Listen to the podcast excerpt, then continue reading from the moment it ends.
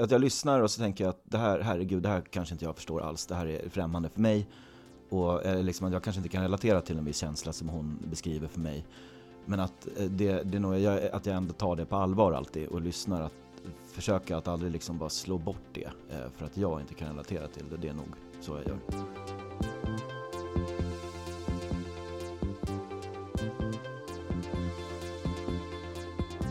Du lyssnar på HSP-podden med Leverby och Klar. Det här är podden för dig som är högkänslig. Och vi är så glada att just du lyssnar. Vi är ju i slutet av maj och jag har i alla fall tagit eh, mitt första utomhusdopp. Kallt men friskt. Hur är det med dig Matilda? Ja, men det är bra, men eh, jag har ju inte tagit något dopp än. Men jag är faktiskt lite avundsjuk på att du har gjort det. Ja, nu var det ju lite fusk kan man ju säga. Jag var ute i en eh, uppvärmd utomhusbassäng. Ja, men det kanske är lite lagom att börja så. Ja, för det var 10 grader i luften Mm. och varmt i vattnet. Så det var ganska perfekt. Jag hade nog inte klarat eh, om det var det motsatta. Mm. Hur är läget annars då? Ehm, ja men sådär alltså. Ja. Ja, det var några jobbiga veckor. Lite deppigt och nedstämt och lite konstigt. Mm. Tufft.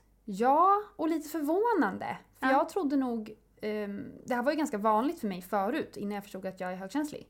Då var jag ju deprimerad i perioder. För att jag inte riktigt gav mig själv återhämtning och den påfyllandet av kraft som jag behöver. Men eh, nu har jag faktiskt inte haft någon sån period. Nej. Sen jag kom till insikt med hur jag funkar. Och då blev jag förvånad Ja. över att det kom. Lite rädd också eller? Ja, faktiskt. Ja. För att jag, det kanske var naivt av mig, men jag trodde på något sätt att nu när jag vet så kommer jag inte att dippa. Nej, precis. Och sen kom det. Och det kom eh, ganska rejält och ganska så här, lite lurigt. Mm. Från en dag till en annan så satt jag och kände bara att det kändes tomt och meningslöst. Mm. Och det har jag inte känt.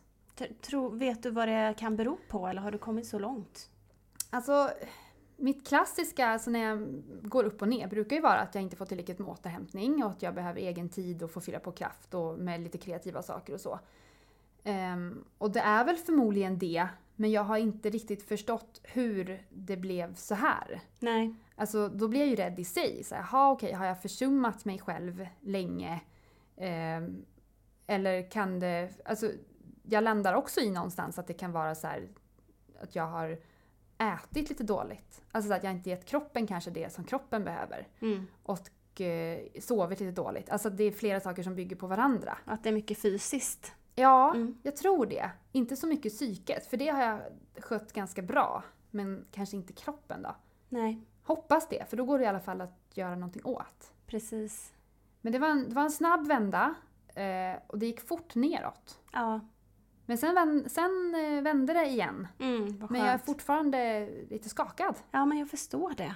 Ja. Förstår det. Du måste landa lite i det Ja, där nu då och ja. komma tillbaka till, till dig själv. Mm. Så att idag är jag lite mosig känner jag. Mm. Förstår det. Men vi kör ändå. Ja men det gör vi. Och det är tur att du verkar ha koll på läget då. Ja då, det har jag. För dagens avsnitt ska handla om hur det är att vara i en nära relation där en, eh, där en är högkänslig och en inte är det. Och eh, det är ju jag som har gjort dagens intervju då, då med Mm. din pojkvän. Men jag har ju hört om det här. Mm. Eh, jag har inte lyssnat på intervjun. Nej, du har ju inte det. det blir, hur känns det att inte ha lyssnat? Ja, men det känns lite konstigt. Ja. Eh, men... Eh, Att jag vet lite mer om din pojkvän i vissa aspekter här nu, än du. ja, nej, men det, det är helt okej. Mm. Men vi gör ju det här på er lyssnares begäran faktiskt. För just det här om att vara tillsammans med någon som inte är högkänslig är ju någonting som vi får väldigt många mejl om. Hur ska vi förstå varandra? För det är väl lite det det handlar om. Ja, verkligen. Det kommer vi få höra Henrik, eh, din pojkvän då, prata om lite grann eh, se- senare. Men Jaså? först ska vi, jajamän, men först så ska vi eh, dra några av de här lyssnarmailen. Ja, vi har några utdrag som vi har eh, klippt ut då från alla de här mejlen. Och det är väl så att vi får ju ganska många just liknande eh, sådana här mejl. Och då handlar det kanske lite mer om att det är svårt. Och med betoning på det. Så att jag börjar helt enkelt. Det är inte lätt att leva med en partner som inte är högkänslig själv. Att behöva kämpa med näbbar och klor för att förklara sig och få ens partner att visa förståelse och empati när man istället får suckar och himlande ögon.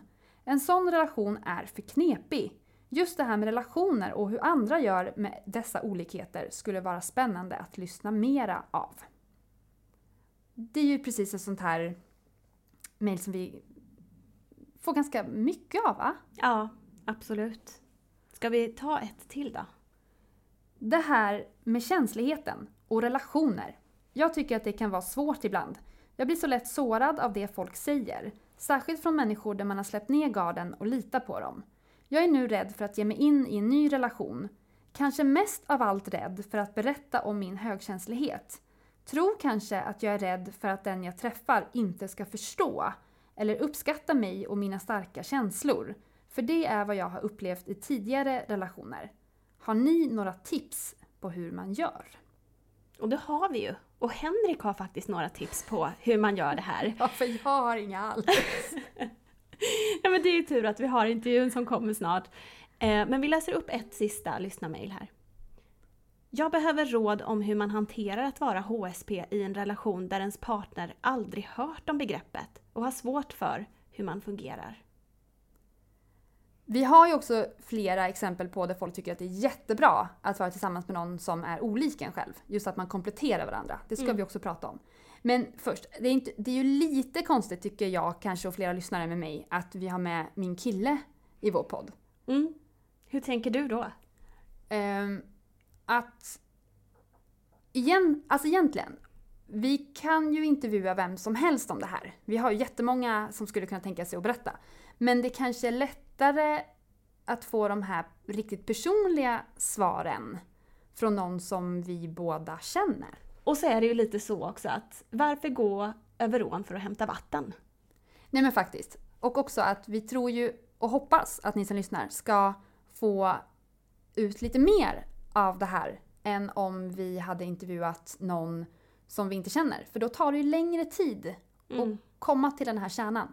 Precis. Men jag vet ju inte, för jag har ju inte hört den här intervjun. Nej, exakt. Vi får se vad du tycker efteråt här nu. Det ska vi ju såklart få höra. Jag kommer prata lite med Ida efteråt om hon, vad hon tycker om Henriks svar och också lite kompletterande frågor från den högkänsligas sida. Nej men jag nosade ju lite på det här och frågade honom hur det hade varit att bli intervjuad. För det är ingenting som han är van vid, för han jobbar ju inte inom media som vi gör. Och då sa han, så här, inte mycket alls, men så sa han bara, men bara så du vet så var jag brutalt ärlig. Oj! Och sen Ja. gick han och skulle hämta någonting. Så att jag, jag bara, jaha? Du är lite rädd här nu Ja, alltså? lite rädd Ja. faktiskt. Vi får se om det blir en lättnad eller tvärtom efter att du har hört. Men vi sätter igång intervjun va? Ja, visst. Är du redo? Jag tror, ja men det är jag. Ja. Vad- Ja men hur, hur tokigt kan det bli? Ja, det får vi se. Nu kör vi!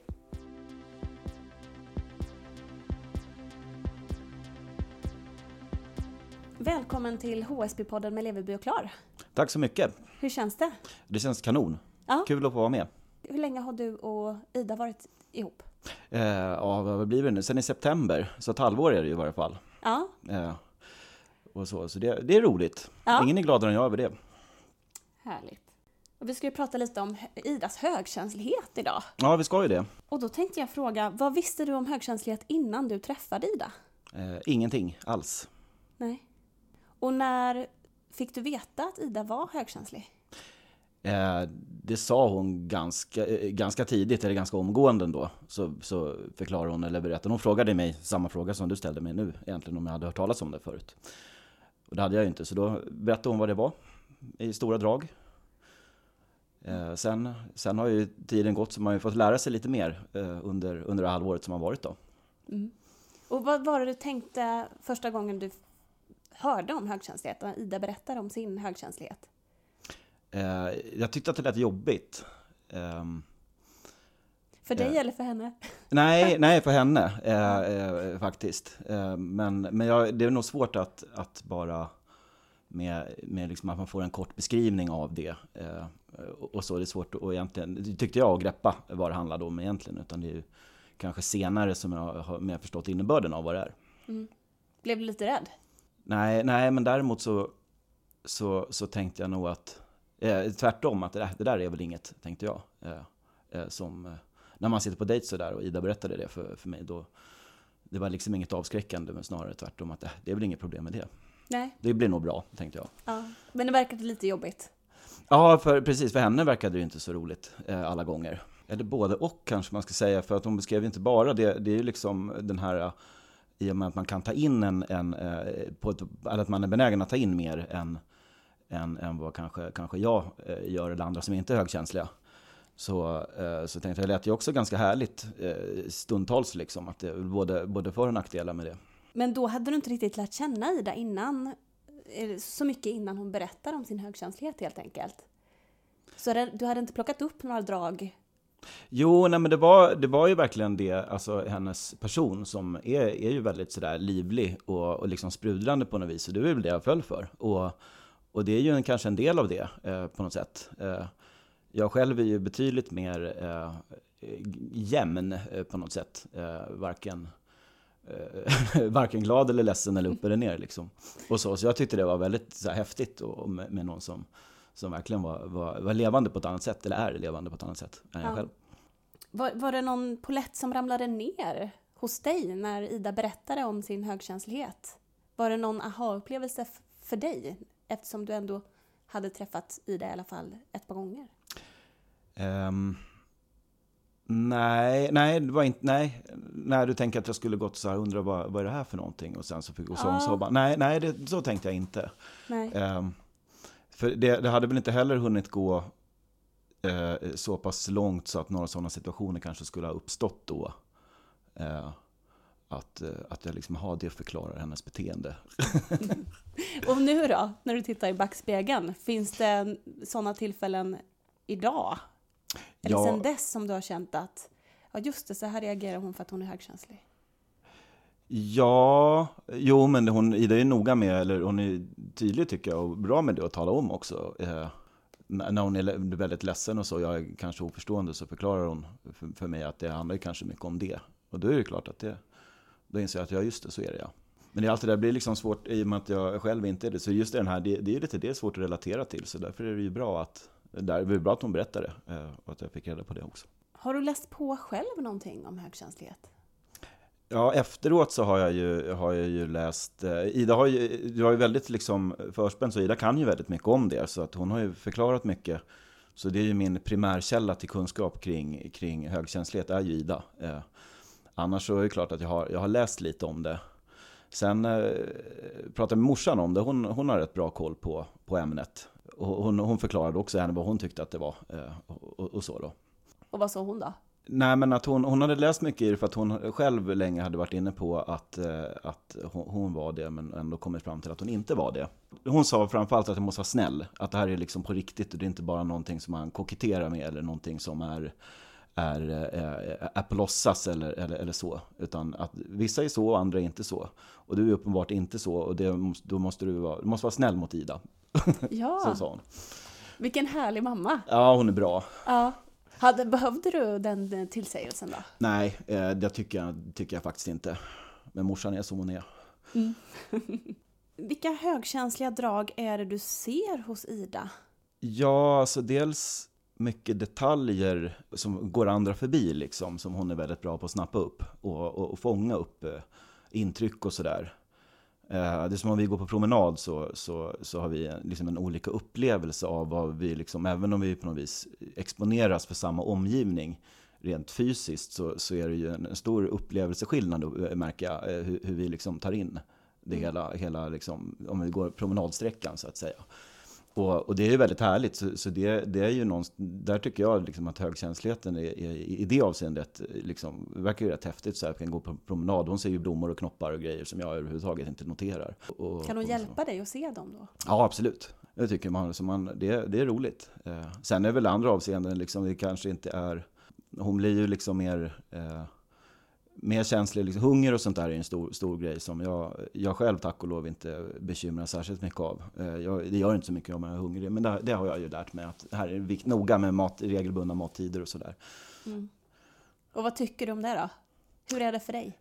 Alltså det, ibland är det ju tålamodskrävande, det måste jag erkänna. Eh, men det, det, går ju liksom bra. Och det är inte heller några sådana här orimliga krav att eh, det ska ätas frukost och, och, och, och att det är middagstid liksom, klockan sex.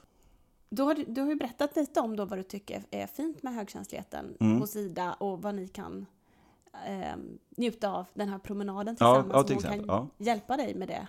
Finns det några fler sådana där positiva saker som kommer med högkänsligheten i er relation? Vi, vi pratar ju väldigt mycket eh, och liksom Ida har ett behov av att uttrycka sina känslor mycket och sådär om det är någonting. Så det är ju inte det är ganska bra, det är liksom inget groll som ligger och pyr och sånt där, utan de mesta sådana här vardagskonflikter och sånt som, som vi ändå har eh, till stundom och sånt, det tycker jag vi löser ganska bra. Mycket för att hon tar upp det. Eh, jag kanske inte själv är lika bra på det.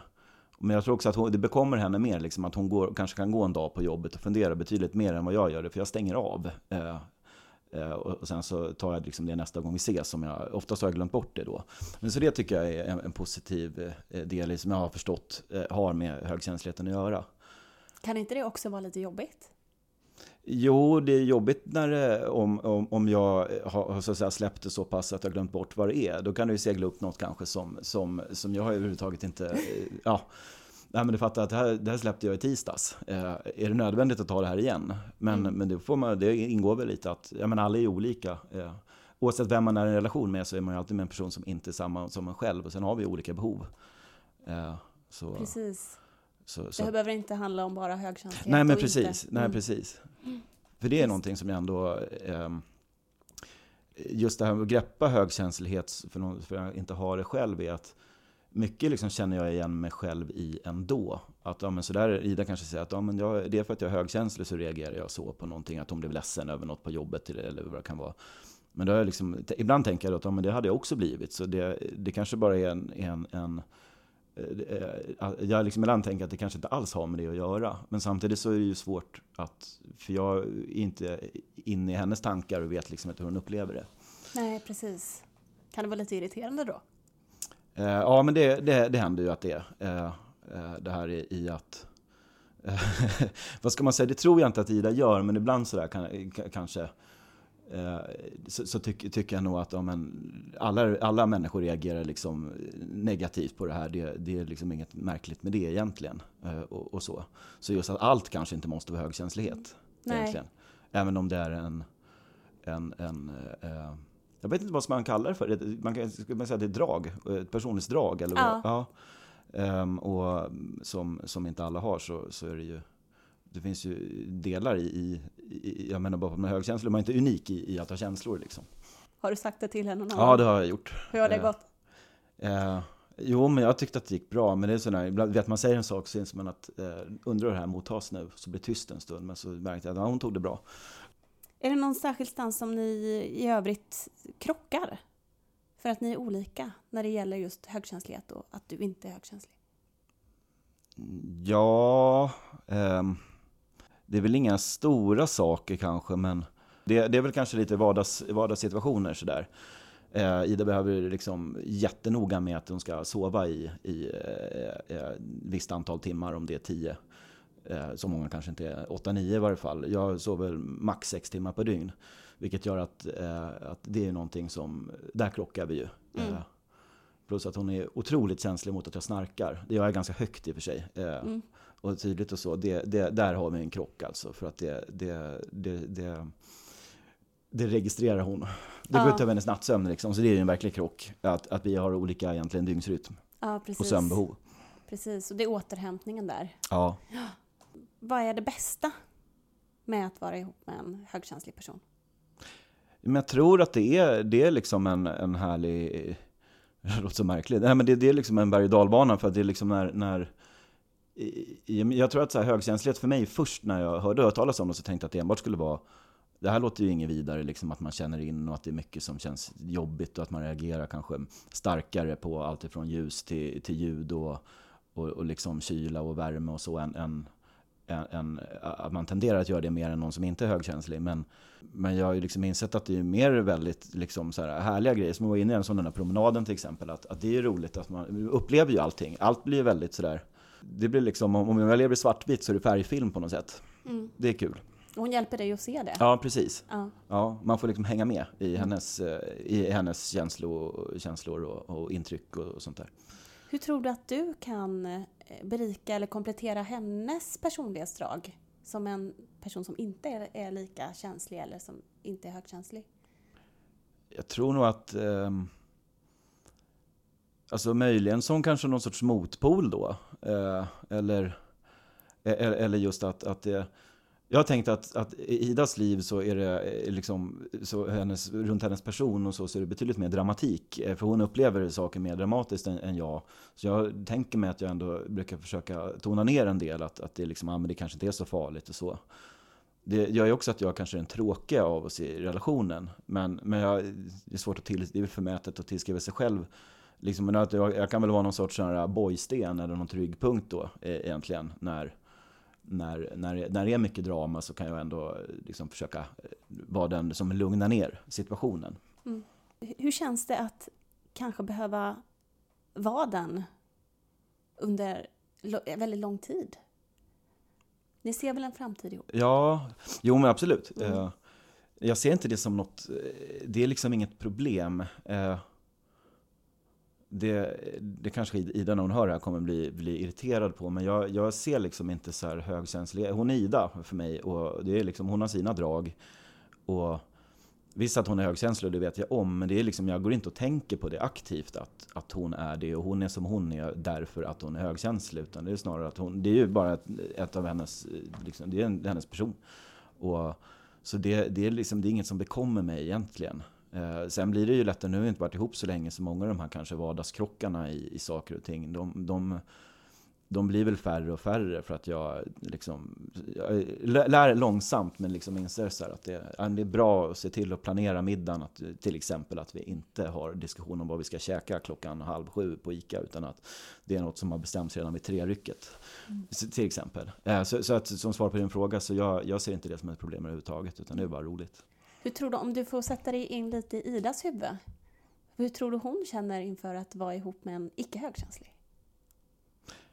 Ehm, jag tror att hon tycker att det är rätt skönt att, att, ehm, att, det, att jag ändå är någon som kan, kan bromsa eller som tonar ned när, när, det blir, när det blåser stormigt och så. För jag tänker att ehm, i, i, i vissa stunder så någon, någon måste ju, båda kan ju inte liksom eh, deppa ihop eh, om, om det nu är det, det det handlar om. Eh, Så, så, så det, det tror jag hon tycker är ganska bra. Jag tror hon tycker det är ganska skönt att jag inte är högkänslig. Men det är väl också, eh, samtidigt så, så kanske jag ibland kan vara oförstående. Eh, Och då, då hade väl, det, det hade hon väl såklart tyckt att det var bättre om, om, om jag hade haft, eller om jag, om jag var det liksom, i någon mån i varje fall. Så jag kunde relatera till hennes, hennes eh, känslor i större utsträckning. Och hur, hur gör ni för att, för att just det här med att förstå varandra, det är väl någonstans kanske det svåraste i vilken relation som helst. Men hur gör ni för att eh, förstå varandra? Alltså, vi pratar ju mycket med varandra och, och, och, och så. Det är väldigt mycket samtal och vi har ju båda lätt för att prata. Eh, Så det, det är ju en fördel.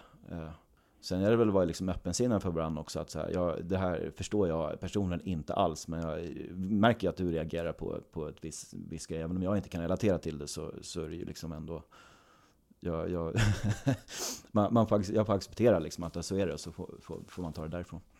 På vilka sätt tar du hänsyn till att Ida är högkänslig? Hur gör jag det? Nej men jag, jo att, att eh, jag, jag tänker liksom att, hela, att jag lyssnar och så tänker jag att det här, herregud, det här kanske inte jag förstår alls. Det här är främmande för mig. Och eh, liksom att jag kanske inte kan relatera till en viss känsla som hon beskriver för mig. Men att eh, det, det är nog, jag, att jag ändå tar det på allvar alltid och lyssnar. Att försöka att aldrig liksom bara slå bort det. Eh, för att jag inte kan relatera till det. Det är nog så jag gör. Du har väl inte missat att det är HSB-kryssning med Leverby och Klar den 14 september? På havet mellan Stockholm och Åbo får vi lära oss mer om hur vi kan blomstra tack vare högkänsligheten. Kärlek och relationer. Arbetsliv, Starkskörhet med Maggan Hägglund. meditation och yoga. Det är några av programpunkterna. Läs mer på tallinksilja.se hsp och på vår sajt alltomhögkänslighet.se. Så, kasta loss med oss! Hoppas vi ses ombord. Har du några tips att ge till någon annan person, en icke högkänslig som ska ge sig i kast med och Mhm. starta en relation med en högkänslig person? Har du några tips? Men som ett, som ett tips är väl att, att eh, vara förstående och inte sätta hårt mot hårt i, i stunder när det är lite tuffare. Och sen så, jag tycker man, man lär sig mycket själv på det också, så att bara lyssna. Lyssna och vara tydlig och no, att man ska vara tydlig, tror jag man ska vara. Vad man menar och sådär. Mm. Eh, Man ska inte räkna med att den andra kan läsa ens tankar. Nej, det ska man absolut inte göra. Eh, eh, och var noga med att tala om det också, att man inte är en tankeläsare ibland. Det är nog ett bra tips. Just det. Och har du något tips till, eh, till eh, en högkänslig person? Som ska ge sig in i ett förhållande med någon som inte är det. Jag tycker nog att det bästa tipset är väl att eh, det är absolut ingenting, det är ju bara som man är, så, så det är ju ingenting som ska hålla en tillbaks på något sätt. Alla är olika. Och, så, så att det, det är inget som jag tycker egentligen bör vägas in i om man, om man är eller inte, hur, huruvida relationens vara eller icke vara. Liksom. Men däremot hur man ska till exempel berätta om sina behov för sin nya Mm. partner. Jo men det är nog bra, det, det kan nog vara en bra, bra idé att, eh, att tala om att jag är så här och det beror på, på det och det. Och jag, tillhör, jag har, jag har sådana här drag och de, det kan man läsa om här. Eller liksom. Mm. Tips om min podd. Ja, just det. Mm. Bra där! Mm. Det var väldigt roligt att få vara här, kan vi få avsluta med då. Ja. Vad tycker du om Tackar för podden? det. Jag tycker den är toppen. Får du lära dig något nytt om Ida sådär? Ja, precis. Alltså, ja, nej, men lite ner- nervös är, är man ju liksom, just där om, om det, har liksom riktigt, inte riktigt hänt sådär, men att om, om vi har en konflikt eller om vi, vi liksom blir ett bråk eller så, och att det är någonting som ska tas upp i podden och så. Det, det, är, det är väl det, men det, det har jag liksom inte upplevt. Eh, sen, sen har jag inte, inte lyssnat på allt. Eh, ni, ni har ju hållit på ett tag, eh, så att eh, det, fin- det finns nog mycket. Men, men jag tror nog att det bästa sättet där är väl att, att jag, jag lär ju helst känna min flickvän genom när vi umgås med varandra snarare än att jag sitter och lyssnar och drar egna slutsatser från vad, hur det är en podd ändå.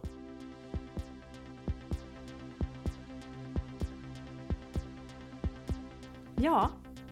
Så, nu vill jag höra. Vad tyckte du Ida? Alltså jag var tvungen att ta mig min tröja. Jag har frusit massor idag och sen så när jag började lyssna på det här så blev jag väldigt svettig och liksom lite nervös. Ja, men jag tror jag friar direkt.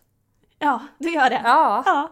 Men jag har också, det var lite, lite lustigt för jag har lyssnat på eh, någon gammal intervju på Youtube med Oprah. ja. Och då så säger hon till, jag tror det är när hon träffar Beyoncé, det var innan hon hade blivit tillsammans med Jay-Z och det fanns spekulationer i om de var ihop eller inte. Och då eh, så frågar ehm, Oprah så här, men är ni tillsammans? Och då sa Beyoncé att nej men jag har beslutat mig för att inte prata någonting om mitt privatliv. Och då säger Oprah att tänk, det var precis det tipset jag tänkte ge dig. Det är det smartaste du kan göra. Prata inte om ditt privatliv. Okej. Och nu känner jag eh, mot ljuset, mot bakgrund av det då, herregud. Ja. Kändes det lite naket? Ja, men ja, Mm. lite naket. Mm. Ja, som att nu, och, och naket för honom också. Och Ja. behöva sitta och, och svara på frågor om vår relation, och om mig, om honom och känslor och ja, det gjorde han bra tycker jag. Ja, det gjorde han. Och det var ju hans eget eh, val. Han ville ju jättegärna komma. Ja, du frågade ju och han ställde ju upp. Ja. Eh, sen är det väl konstigt bara att eh, själv ta som plats Mm. utan att ens vara med liksom. ja. Eh, men, men det gjorde ni bra båda två. Var det något särskilt som du reagerade på då? Ehm, ja, alltså... Jag vet ju att han har sagt vid något tillfälle att han tycker ibland att det är lite jobbigt att han inte får vara ehm, ledsen och så ibland. För att han har tagit på sig någon slags roll att vara den trygga för min skull. Han var inne på det lite grann där, att han är den trygga punkten. Ehm, för du frågar ju hur det var på lång sikt. Hur det kändes för honom. Och då, Ja. här verkar han ju inte ha någonting emot det då. Men jag vet att han har sagt det lite innan att, att han inte alltid ehm, får visa hela sitt register utan måste hålla ihop liksom för min skull. Nu är ju han väldigt stabil men, men de gångerna. Och det har jag tänkt måste vara lite jobbigt. Ja, precis. Så han var inte lika brutalt ärlig som, som han, han sa till dig då? Ja, men kanske i stunden. Mm. Jo, men det, jag tycker att det lät väldigt eh, ärligt, det Ja. mesta. Mm. Verkligen. Jag kan väl ställa dig några av de här frågorna som jag ställde till, till Henrik också så vi får din sida av det liksom. Det är Ja, två parter här så att man måste höra båda parterna. Det vet ju vi som är journalister. Ja, och för att lyssnarna ska kanske få en, en hel bild av, kanske kan känna igen sig själva. Ja, men Hoppas vi. precis. precis. Mm. Och då tänkte jag fråga, för att jag, jag frågade Henrik hur han, eh, hur uttryckte jag mig, hur han anpassar sig för dig eller hur han tar hänsyn till, till dig och, att, och din högkänslighet. Hur tar du hänsyn till hans, att han inte är högkänslig? Alltså efter att ha lyssnat på det här så känner jag mig lite egoistisk. För jag tror att han är den som anpassar sig mer och tar mer hänsyn till mig. Eller jag vet det. Eftersom att det är jag som har så många behov. Så jag kan ibland känna mig som en ganska jobbig person. Men samtidigt så, med det sagt, så skulle jag kunna känna tio gånger mer. Så jag lägger faktiskt band på mig utan att han vet det Mm. det kommer ju ändå fram. Jag säger ju ändå mer och känner mer än vad en annan person kanske skulle. Men jag lägger ändå band på mig för att jag inte vill ha för mycket Mm. eller vara för mycket. Och sen så försöker jag ju att släppa saker. Det här som han sa, att om han har glömt saker och så ska jag ta upp det ändå på Mm. på torsdagen fast han har glömt det på tisdagen. Då kan jag tänka ibland så här, ja men är det här jätteviktigt för mig? Måste jag få ur mig det här? Eller kan jag skriva ner det?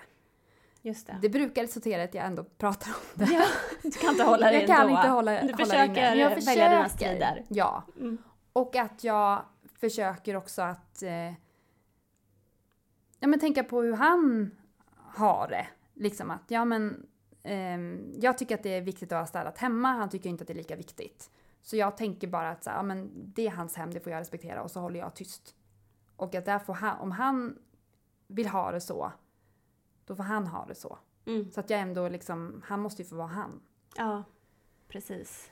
Men nej, det är inte jättestora uppoffringar jag gör. Nej, Nej, det ska jag det. ärligt säga. Mm. Lite skamset. ja jag Mm. förstår. Du skrattade ganska mycket un- under intervjun också. Vad Ja. var det som fick dig att dra på smilbanden? Jo, men att han, det är mycket igenkänning. Jag inser ju hur mycket han fattar. Mm. Och också hur gåpåig jag har varit. Ja, just det. Alltså som en slags eh, motkraft till alla de relationer jag har haft där jag inte har blivit förstådd. Så tror jag att jag gick in i den här relationen lite grann som en bulldozer. Alltså jag berättade ju på första dejten om högkänslighet. Och jag minns att han frågade vad det var. Och då sa jag att vi blir mer deprimerade. Alltså Ja. jag tog bara upp dåliga saker. Och sen så tänkte, verkligen som en, någon slags skydd kanske, ser jag så här efterhand att jag är så här, acceptera mig som jag är. Han fick liksom inte ens en chans. Nej, kanske därför då som han eh, tyckte vi, första gången du berättade att det, det lät väldigt jobbigt då. Ja, Att det kan bero på att du tog upp det här med att eh, vi har lätt att bli deprimerade och, Ja. och så, att de negativa aspekterna. men du vet man vill inte bli sårad så man lägger upp allting på en gång. Det här Ja. är jag. Take it or leave it. Precis. Hade du gjort något annorlunda? Om du skulle kunna back- backa bandet? Ja, jag tror att jag inte hade behövt eh, gå på så mycket om högkänsligheten. För för honom är inte det så viktigt. Och det blir mer någon slags, eh, alltså en, en kamp då, förstå mig, men det gör han ju. Ja. Och att eh, nu försöker jag ju det lite bättre, att ta hänsyn till hans behov. Alltså fråga vad han vill och vad han känner och vad han tycker. Mm. Eller kanske då ibland inte göra det. För det kan ju ibland vara bästa sättet för honom, att inte behöva prata om känslor hela tiden. ja. Bara göra liksom. Ja, precis. Så det, men det hade jag nog gjort annorlunda. Inte gå på så mycket om just högkänsligheten. Vi kan väl återkoppla li- lite till några av frågeställningarna som eh, vi hade i de här lyssnarmeddelandena. Eh, till exempel så var det ju en person som inte riktigt vågade berätta om sin högkänslighet och om sina behov. Vad, vad kan vi dra för slutsatser här efter att ha pratat med Henrik och med dig om, om, den, eh, om den punkten? Ja, men den här personen eh, skrev ju att hon tror att, den, att hon är rädd för att den andra inte ska förstå. Mm. Och att den andra inte ska uppskatta de här starka känslorna. Det är väl som vi brukar prata om i podden. Att man måste förstå sig själv först. Ja. Först det och sen så om man inte vågar uttrycka sina behov eller låta den andra försöka förstå så vet man ju inte heller om personen förstår. eller kommer förstå eller inte, det, då ger man ju inte den andra personen en chans riktigt, tänker jag. Nej, och för att våga ge någon en chans så måste man ju våga själv. Ja. Att man inte är rädd för att bli lämnad. Mm. Att man bara är i sin kraft eller sin person. Ja. För att annars så, som du säger, då kan man ju inte veta om man kan lita på den andra eller inte. Nej, och då blir det ju ingenting. Men hur gör du då? Alltså så här, om du ska berätta om dig själv eller vad du behöver eller hur du är. ja.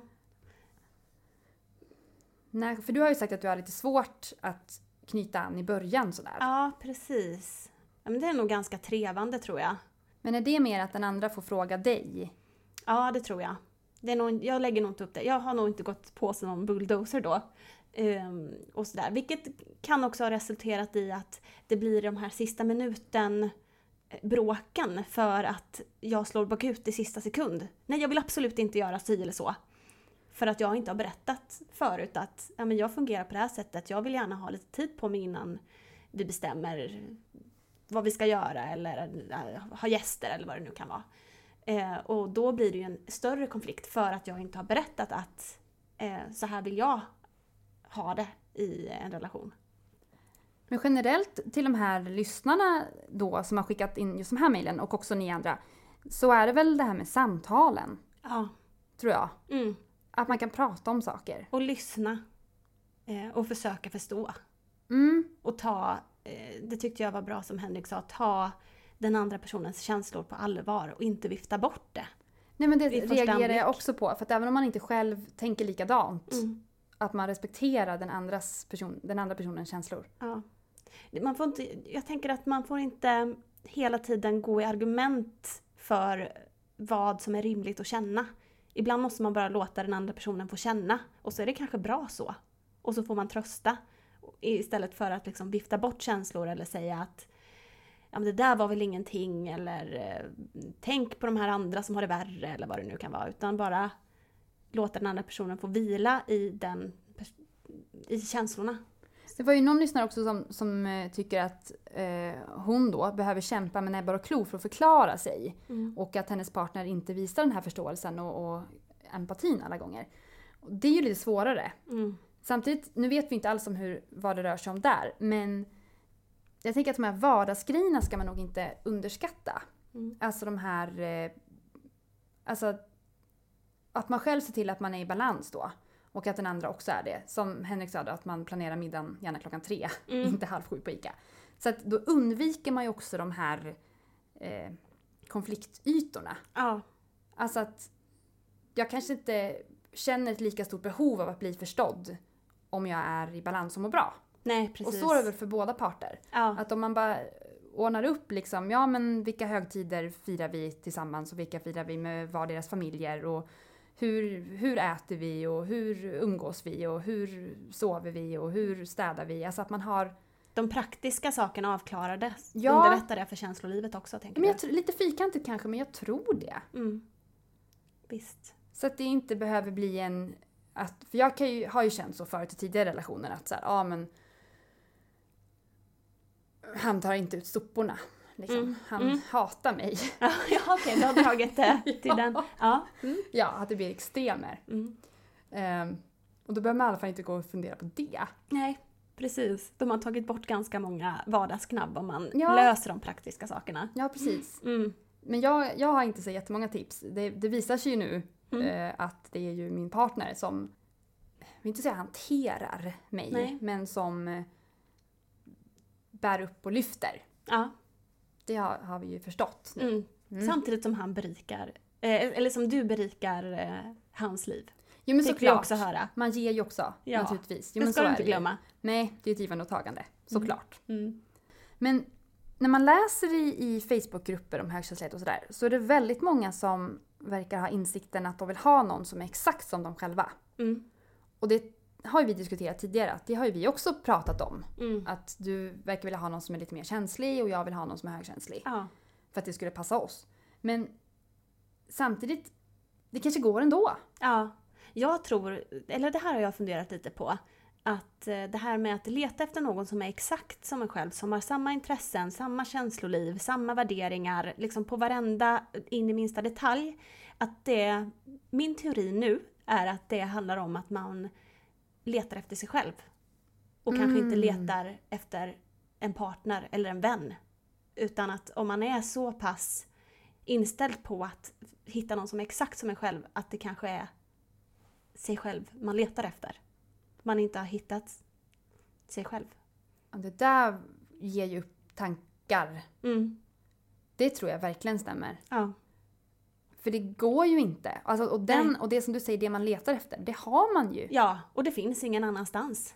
och heller. att den relationen man har till sig själv är ändå eh, viktigast. Ja, Och om man accepterar sig själv och har kul med sig själv och umgås med sig själv, då kan man ju umgås med andra. Då kanske man inte har samma behov av att det ska vara lika i allting. nej precis. Jag tror inte det. Då slutar man att leta efter, efter någon som är exakt som sig själv och kanske letar efter något som kan komplettera Mm. en själv. Eller hittar eh, vissa delar av sig själv i andra. Till exempel någon med liknande intressen som man kan göra det med. Och sen kanske man letar någon, efter någon att ha djupa samtal med. Det kan man göra med en annan person och så någon som man passar väldigt bra ihop med i vardagen som man kan vara ihop med.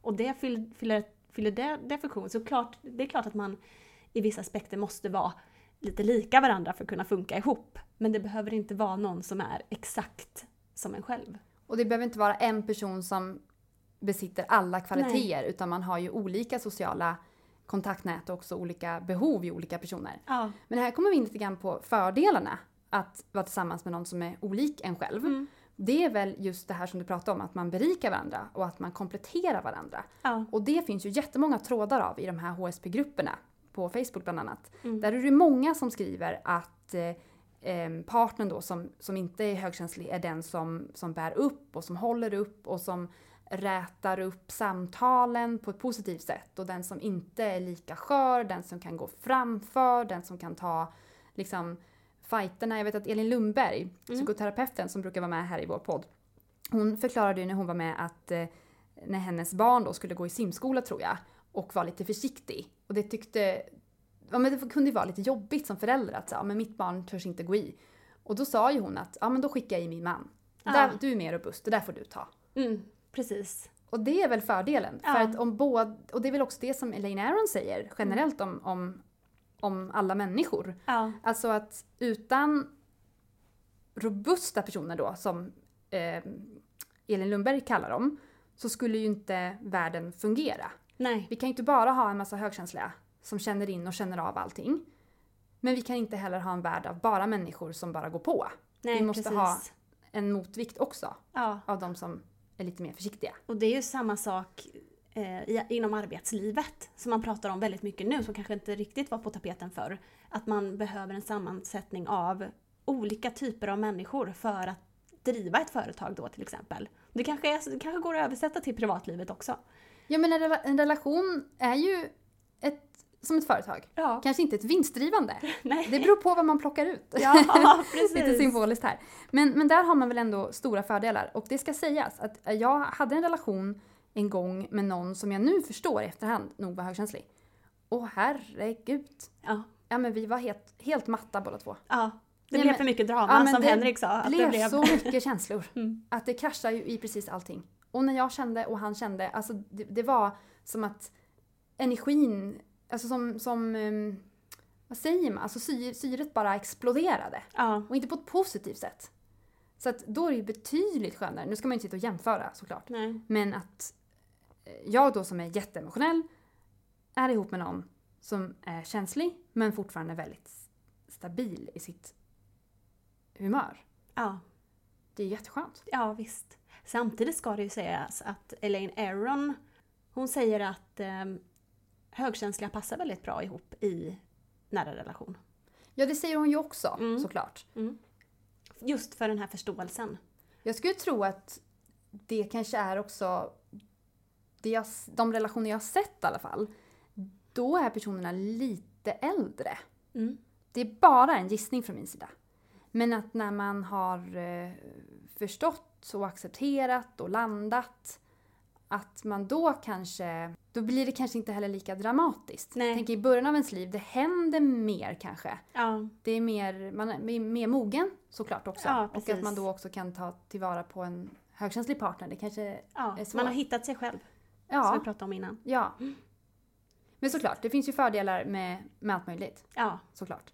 Men det kan man tänka på då om man lyssnar och, och sitter i en relation och tycker att ja, hon eller han förstår mig inte.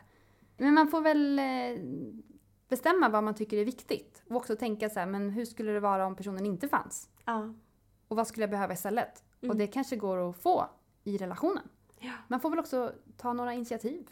ja, Om man vill ha djupa samtal. Kasta ut ett samtalsämne. precis. Närma sig den personens intresse. Ja. Kanske man kan prata djupt om det där. Mm. Absolut. Och underskatta inte vännerna. Nej, verkligen. Nej men nu känns det som att jag bara sitter och, och pladdrar. Nu är det väl bättre att vår kloka poet Bertil Monegrim får ta ordet. Ja, och självklart ska han prata om kärlek idag. Störst av allt är kärleken. Det står i Bibeln till och med. Då struntar man i väderlek, även om tiden är ur led. Små stjärnor tänds i någons öga och på kinden blommar en ros. Då faller viljan snart till föga och motståndet flyger sin kos. Vi finns ju såklart på Facebook, där heter vi HSP-podden med Leverby och Klar. På Instagram har vi också ett konto, HSP Leverby Klar heter vi där. Ja, och kolla gärna in tallinksilja.se hsp och läs mer om kryssningen vi ska kasta loss på i september och häng med! Ja, men det är klart att ni ska med. Mm. Och så vill jag ju passa på att tacka såklart Matilda för att du gjorde den här fina intervjun. Ja men tack själv! Och tack Henrik och tack alla ni som lyssnar. Stort tack allihopa! Vi hörs igen om två veckor. Hej då!